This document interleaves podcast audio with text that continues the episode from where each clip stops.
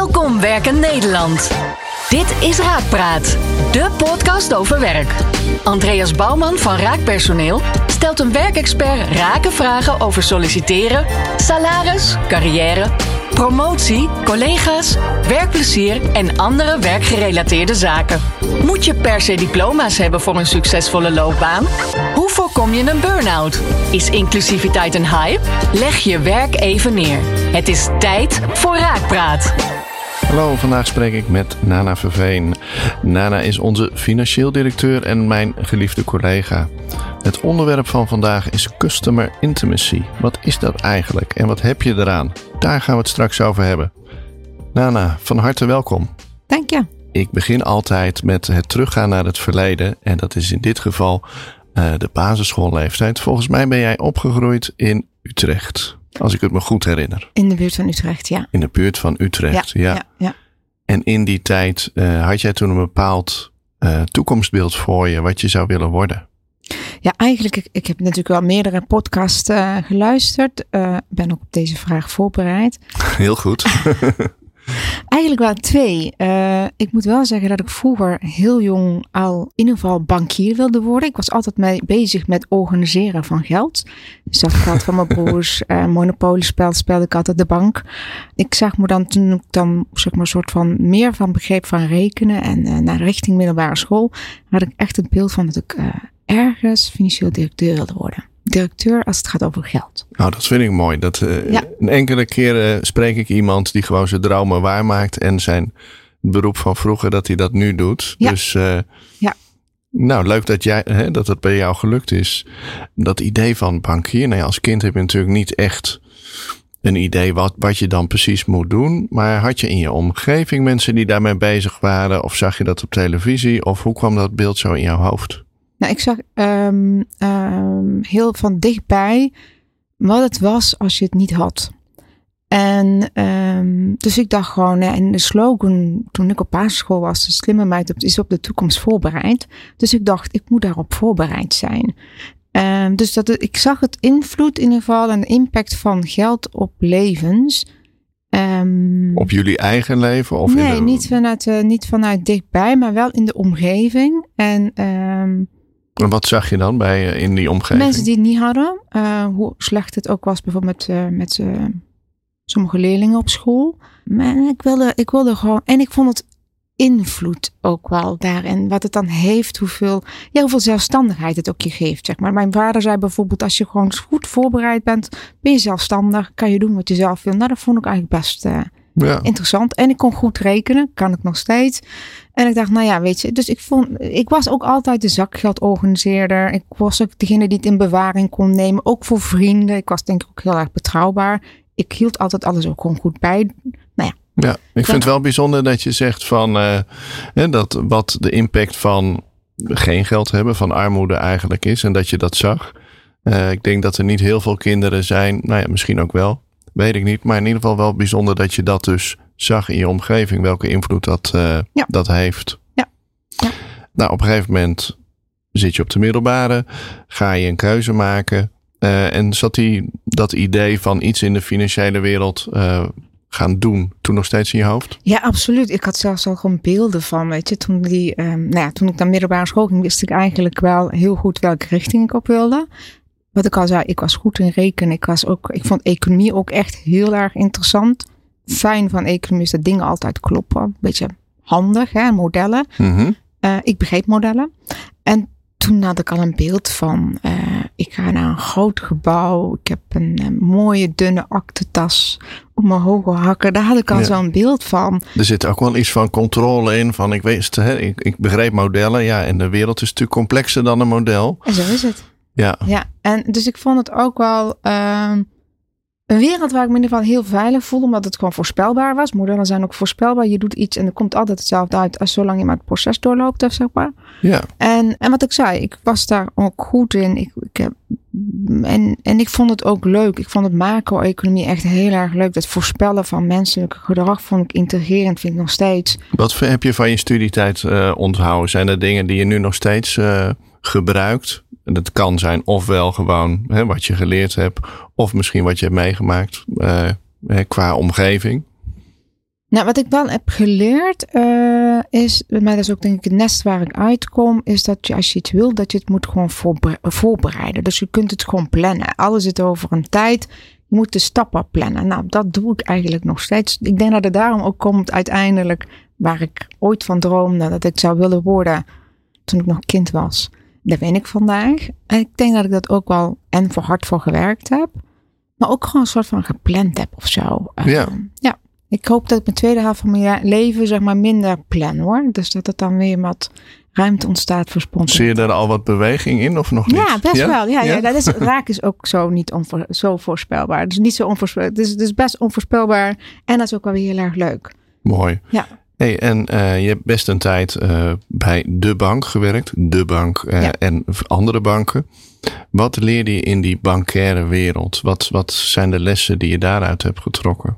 Ook daar heb ik denk ik, ik, was, ik heb altijd aan de financiële kant gezeten. Um, dus aan het financieren van bedrijven. Wat ik daar heel erg fijn vond, is dat het, dat het echt een gesprek kon gevoerd worden. Want op het moment dat je met je bankier praat, dan moet het gaan waar het over moet gaan, zeg maar. Dus doen alsof heeft dan niet zoveel zin, want ik heb ze toch allemaal wel gezien op papier, zeg maar, met getallen.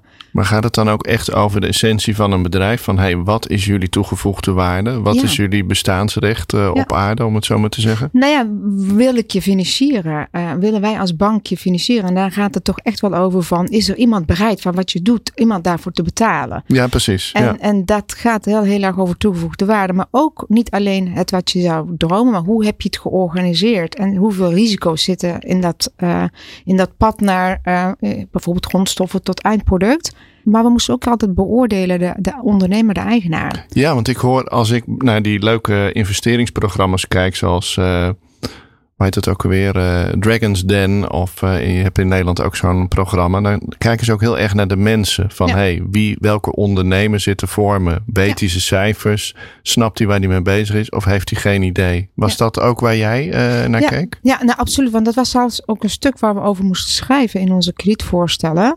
Want weet je, het maakt eigenlijk het uh, grootste verschil voor een succes van een onderneming is niet de marktomstandigheden, niet hoe je gecapitaliseerd bent, helpt wel. Maar een bepalend factor is wel toch gewoon hoe, hoe de eigenaar, manager, directeur zich gedraagt. Ja. En waar die van is. Kun je, dat, uh, kun je dat eigenlijk meten dan in cijfers? Nee, maar je kan het wel gewoon zien of dat die man het uh, wel ziet. Uh, en dat hij het ook begrijpt. Je, het is toch echt heel erg onvoorspelbaar, zeg maar. Dus waar het meer over gaat, is dat het niet een voorspeld pad is. Maar wel van, zie ik iemand tijdig kunnen handelen, tijdig uh, zijn, eigen, zijn eigen vlees kunnen snijden, pijn kunnen lijden op het moment dat het is om te kunnen wenden, om het te kunnen draaien. Interessant. Ja, het klinkt bijna uh, dan toch meer als een soort van psychologie dan als uh, de kille modelmatige cijferkant. Ja. Ja, en dat is omdat, ik moet wel zeggen dat ik het altijd cijfermatige kant van, uh, toen ik wat bij de bankiers uh, werkte, beter begrijp dan ik het menskant begrijp. En daarom is mijn tweede deel van mijn carrière ging veel meer over van, nou, ik wil eigenlijk meer een mens begrijpen. Ja, want je bent, uh, hè, op je LinkedIn profiel heb ik nog even nagekeken. Ik wist het voor een deel natuurlijk ook wel. Maar uh, vanaf 2012 tot en met 2022, grofweg gezegd, trainer, coach, mediator. Ja. En volgens mij ja, past die rol jou ook heel erg goed. Omdat, ja, ik ken jou een beetje. En jij kan als een soort, nou ja, helikopter boven de partijen zijn. En dan de belangen zien van, van iedereen. En daar ook aandacht aan geven. Had je dat altijd al? Of heb je in de loop der jaren een soort zelfinzicht uh, gecreëerd dat je dat goed kunt? Ik denk dat het ook al een stukje levenservaring is geweest hoor. Maar ik weet wel dat ik, ik heb kleine 15 jaar ben ik bankier geweest. En ik moet wel zeggen dat ik altijd dacht van, nou, we hebben alles doorlopen, we hebben alles met elkaar besproken en dan lukte het nog niet. Of uh, dat was echt heel erg ingewikkeld dat ik dan dacht, uh, het zal mij boeien, hè? ik ben heel benieuwd of dat gaat lukken en het lukte het wel. En als je dat dan weer analyseerde, zo mm -hmm. terug, reflecterend, dan kwam ik toch wel achter dat het gewoon echt het verschil de ondernemer was. Of de eigenaar of de manager, uh, de mensen. En dan dacht ik, ja, dat moet ik gewoon meer begrijpen. Dus ik ben dat gewoon meer vanuit begrijpen wat ik niet begrijp. Of het deel wat ik dan dacht, nou daar heb ik iets te weinig begrip van. Uh, ben ik aan het studeren. Ben je gaan ontwikkelen. Ja. En je kunt, uh, hè, want ik, dat zei je zelf ook al, je bent iemand die dingen heel goed plant en goed voorbereidt. Daar kun je misschien ook in doorslaan. Hè? Dan wordt het een soort van perfectionisme wat tegen je werkt. Maar niet alles is ja, tot in detail voor te bereiden. Soms moet je dingen ook ervaren, denk ik. Helaas. Uh, ja. Is dat ook wel het leven? Ja, ik, ik, ik, weet niet of dat helaas is, zo, maar zo, zo werkt het wel. Zo heeft het in ieder geval in mijn leven gewerkt. Ik wilde ook wel ja, heel goed mens begrijpen. En, en, die twee, en toen dacht ik, nou, ik moet even dat financiële kant loslaten, want dat kan ik niet zo goed combineren. Maar toen ik eenmaal de menskant wel meer onder de knie had, was de kunst, denk ik, en de magie, zeg ik ook altijd, is juist in de combinatie daarvan. En, en die ideale combinatie, om het bruggetje even te maken, heb je misschien bij Raak wel gevonden? Nou, die had ik natuurlijk ook gevonden, want Raak is gewoon een klant van mij geweest. En ik vond het wel uh, heel bijzonder. Uh, ik, bij Mark natuurlijk om te beginnen, en de oprichter, de, zijn DNA zit erin. Mm -hmm. Maar ook binnen Raak mensen, misschien niet vanuit het beredeneerde pad zoals ik dat gedaan heb. Maar heel veel van onze collega's die combineren die dingen. He, de, de, de cijfers met, uh, met mens, dat is ook ons vak, denk ik. We zijn een mensenbedrijf en toch steeds nog steeds een commercieel bedrijf. Dus de combinatie is noodzakelijk en dat doen wij heel goed. De, de, nou, en ik vind, uh, mijn job is gewoon uh, mijn droomjob. Waar ik van kind af van droomde en die heb ik nu. Maar. Ja, en wat is wat uh, maakt dat raak zo goed bij je past? Is dat die waardegedrevenheid? De, of? Nou, weet je, ik ben, ik ben een kind van een gastarbeider. Uh, ben weliswaar geadopteerd, maar mijn, mijn background is natuurlijk wel uh, van een bepaalde doelgroep die het meest gebaat is bij participatie in de maatschappij.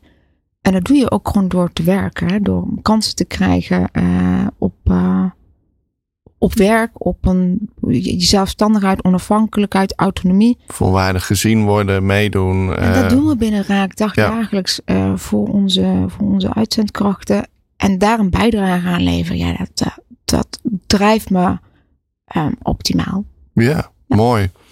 Hey, dan moeten we het nog hebben over ons onderwerp van ja. vandaag. Uh, customer intimacy. Een hippe term, maar volgens mij een misschien wel eeuwenoud principe. Kan jij uitleggen wat jij daaronder verstaat, customer intimacy? Ja, je zegt het terecht hoor, want het is een hippe, een hippe term, maar het is niet zo hip als je kijkt naar de, het, het, hoe lang het bestaat, zeg maar. Volgens mij in de managementboeken is het gewoon zo echt geïntroduceerd in 1995 of zo. Ik kan het best uitleggen als ik hem kan afzetten tegen twee andere. Je hebt dan zeg maar product leaders. Mm -hmm. Dat zijn uh, Apples van deze wereld, en Chanel en Gucci. Uh, uh, in ons vak is dat Randstad. Die, die, die bepalen, domineren de markt. Die zeggen nou zo zijn wij en die wil je bij mij kopen is goed. Maar dit is de route waar wij hebben voor je.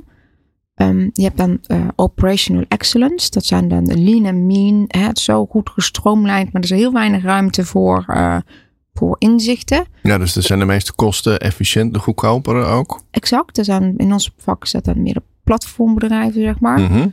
um, maar bijvoorbeeld in het bankiersvak dat online kunnen beleggen of zo. Hè, dat, dat, uh, nou, je hebt die online banken die, hè, waar je bijna geen, hè, wat bijna niks kost om daar lid van te zijn. Oh. En je hebt de gewone banken.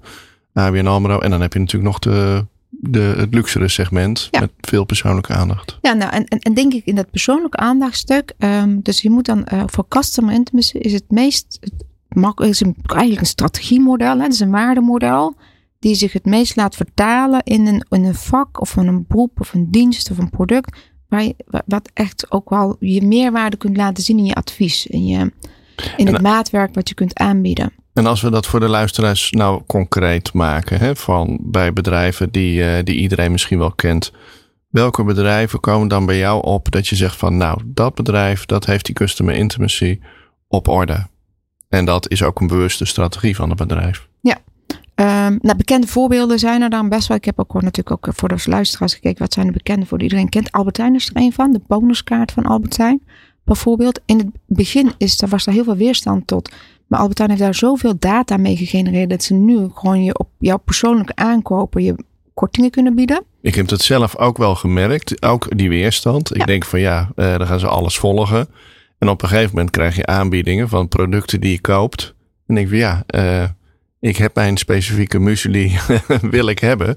hey, die is de, de helft goedkoper eh, deze week. Ja. laat ik hem toch maar eens kopen. Ja, zo, zo, dus customer intimacy gaat ook wel ook over data kunnen verzamelen van de wensen en de behoeften van je klant. Dus Albertijn is daar een voorbeeld van. Uh, Coolblue is daar een voorbeeld van. Uh, en dan is dat misschien niet in de producten, want dat is waar je overal kunt kopen. Maar zij doen echt heel specifiek in, uh, in een service wanneer ze het komen brengen. Ik heb laatst een nieuwe vaatwasser gekocht. Was van de verkeerde maat. Uiteindelijk had ik verkeerd besteld. Maar ze installeren hem voor me. Ze zeggen gewoon, mevrouw, we gaan het gewoon over een week weer vervangen. Maar hij blijft hier, want anders heeft u een hele week geen vaatwasser. Oh, en ze nemen hem gewoon weer voor dezelfde prijs gewoon terug en installeren een nieuwe. Dus dat is dan echt gewoon, um, maatwerk is dan gewoon dan, dan echt toepassen, begrijpen dat ik in een huishouden niet een week zonder vaatwasser wil zitten, maar dat ze dat ook kunnen doen. Nou, Coolblue is dus op die manier een voorbeeld, maar Bol.com ook. Die zou zeggen, Bol.com, hoezo? Dat is massa. Hè? Ja. Maar ook uh, Bol.com probeert dan heel erg vanuit het klantgerichte weten wat jij koopt, weten waar, je, waar, waar jij van houdt, om daar dan de aanbiedingen in te kunnen doen. Of, uh, ja, en voor een deel is dat hè, een stukje techniek, want je noemt nu voorbeelden die uh, nou ja, vooral veel producten ook, ook leveren. Dus dan is het met data-analyse, met technische oplossingen. Maar in het geval van die uh, vaatwasmachine was het, is het ook een stukje van dat de medewerker moet snappen van hé, hey, die persoon zit anders zonder. Dus ik denk er ook echt mee. Dus het is ook bedrijfscultuur. Nou, ik denk dat customer intimacy is dus gewoon een waardestrategie. En dat kan niet anders dan dat je bedrijfscultuur moet zitten. Even naar de producten loslaten, maar naar de dienstverleners kijken.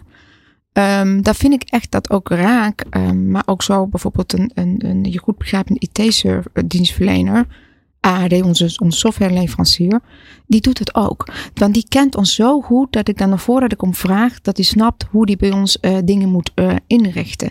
Wij ook, wij moeten zo goed de business van onze klant snappen, zodat we hem gewoon juist kunnen adviseren. Dus het is niet alleen maar de, het is niet, het is meer dan customer service, zeg maar. Hè?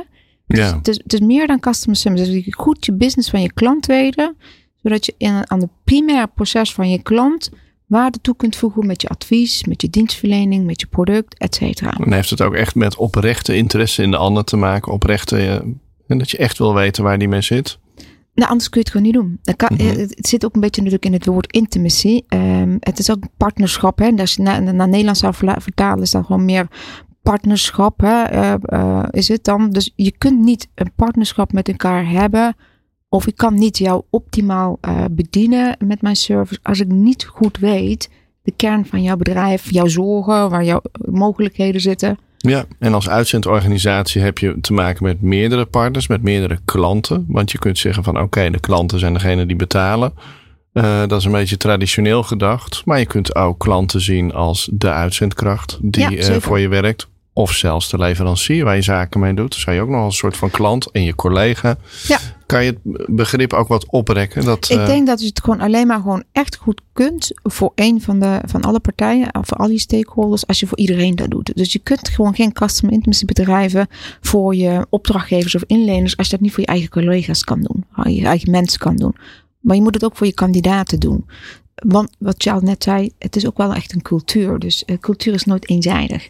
Nee. Het moet dan echt doordrongen zijn in, uh, in wat je doet. Valkuil is dat je dan dat verward met customer eh, service. Het is echt meer dan dat. Ja, en zou je dat nog kunnen pinpointen wat dat verschil precies is? Want ik voel hem wel een beetje hoor, wat je zegt. Ik denk inderdaad eh, ja, dat je daar gelijk in hebt. Maar wat is dan precies nog dat, dat extra stapje? Of wat is dat verschil tussen gewoon een goede service leveren en zeggen van oké, ik zorg ervoor dat het op tijd is. En als het niet op tijd is, dan ga ik een oplossing vinden tot customer intimacy. Ja, eh, dat is echt heel specifiek. Um, en het, het verschil is dat je bereid moet zijn als leverancier, dus als uh, dienstleverancier, dat je eigen proces wilt aanpassen aan je klantwensen. Ja, precies. Dan moet je echt verder kijken dan. En, en kijken hoe ver kan ik dan mijn eigen proces als, uh, als leverancier aanpassen.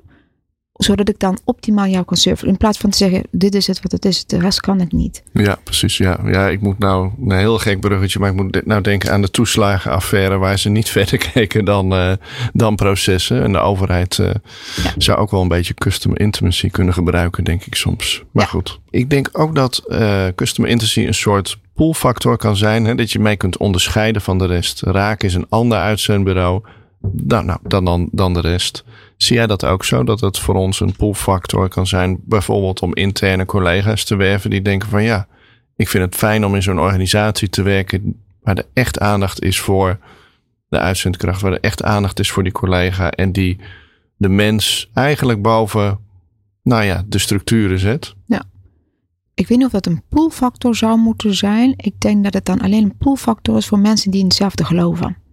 Dus als je een, een, collega bent, een consultant bent, die dan eigenlijk daar niet zo heel erg geïnteresseerd is, daar zou het ook niet voor zijn.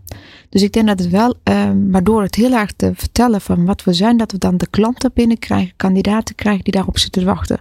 Maar ook collega's die uh, zijn die daarop, te, omdat ze in hetzelfde geloven. Ja, precies. En, uh, want het heeft niet zoveel zin om een collega aan te trekken die niet daarin gelooft. Dus dat hij ook niet de drijfveer heeft om dat wel die gesprekken te voeren en vanaf dat niveau ook uh, service te verlenen. Ja, mooi dat je dat zegt. En je hebt net ook al heel duidelijk gemaakt hè, waar, waarom jij voor raak hebt gekozen. Waar jij vandaan komt. En uh, dat jouw geloofswaarden, waar je als mens in gelooft, heel goed overeenkomen met raak. Um, zie je daar een soort van generatieverschil? Hè? Ik bedoel, in de jaren 50, 75 werkten mensen om te leven, te overleven, puur voor het geld. Daarna werd persoonlijke groei heel belangrijk. Van ik wil mezelf kunnen ontwikkelen. En wat je nu vaak hoort is van ja, uh, ik wil niet alleen uh, mezelf ontwikkelen. Ik wil ook bijdragen aan een groter doel, aan maatschappelijk nut. Ik wil dat mijn innerlijke waarden overeenkomen met de bedrijfsdoelstellingen.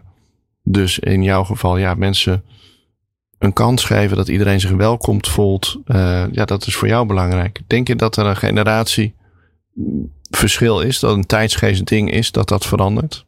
Uh, ik weet niet of dat een tijdsgeest ding is. Ik denk dat het wel een maatschappelijke ontwikkeling is die we collectief dan doen. Hè? Dus uh, ik denk wel dat het ook een beetje ingegeven was, de omstandigheden. De jaren 50 kwam net uit de oorlog. Dus dan moest je heel erg aan het opbouw denken. Dan heb je minder de luxe van uh, bij willen dragen aan het grote geheel. Je moet eerst zien te overleven.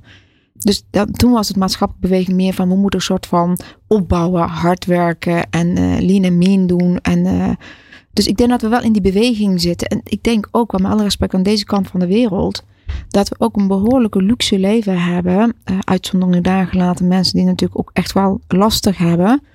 Maar dat we dan collectief wel ook ruimte hebben ook aan het collectief te denken. En dus de jeugd van mijn zoon van 15, die wil echt gewoon alleen maar bijdragen aan een groter geheel. En dan wil hij trouwens daarnaast ook wel gelukkig zijn. Dus het is niet alleen maar bijdrage leveren aan een groter geheel en ik leid wel. Nee, het moet een en-en zijn. Dus, ja, uh, precies. Die andere werken. componenten die uh, spelen natuurlijk nog steeds een rol. Iedereen wil genoeg geld om... Uh, om goed te wonen en om uh, de dingen te doen die hij wil doen. Iedereen wil zichzelf ontwikkelen. Maar die derde component, die wordt wel steeds belangrijker. Ja, en die wordt in ieder geval uh, gelijkwaardig belangrijk. Ja. Dus het is niet meer nice to have als ik ooit aan toe kom. Nee, daar wil ik dan nu mijn energie steken. Dus steeds meer de vraag van jongeren is dan... Waar ga ik mijn energie uh, steken? In welke organisatie wil ik werken? Welke toegevoegde waarde heeft die voor het geheel? En wil ik daar onderdeel van uitmaken? Ja, nou ja, HR valt ook onder jouw verantwoordelijkheden. En raak wel groeien naar 30 vestigingen. Is dat, nou ja, versterken van die geloofswaarde of dat meer uitdragen of dat intern meer laten leven. Is dat ook een van jouw doelstellingen?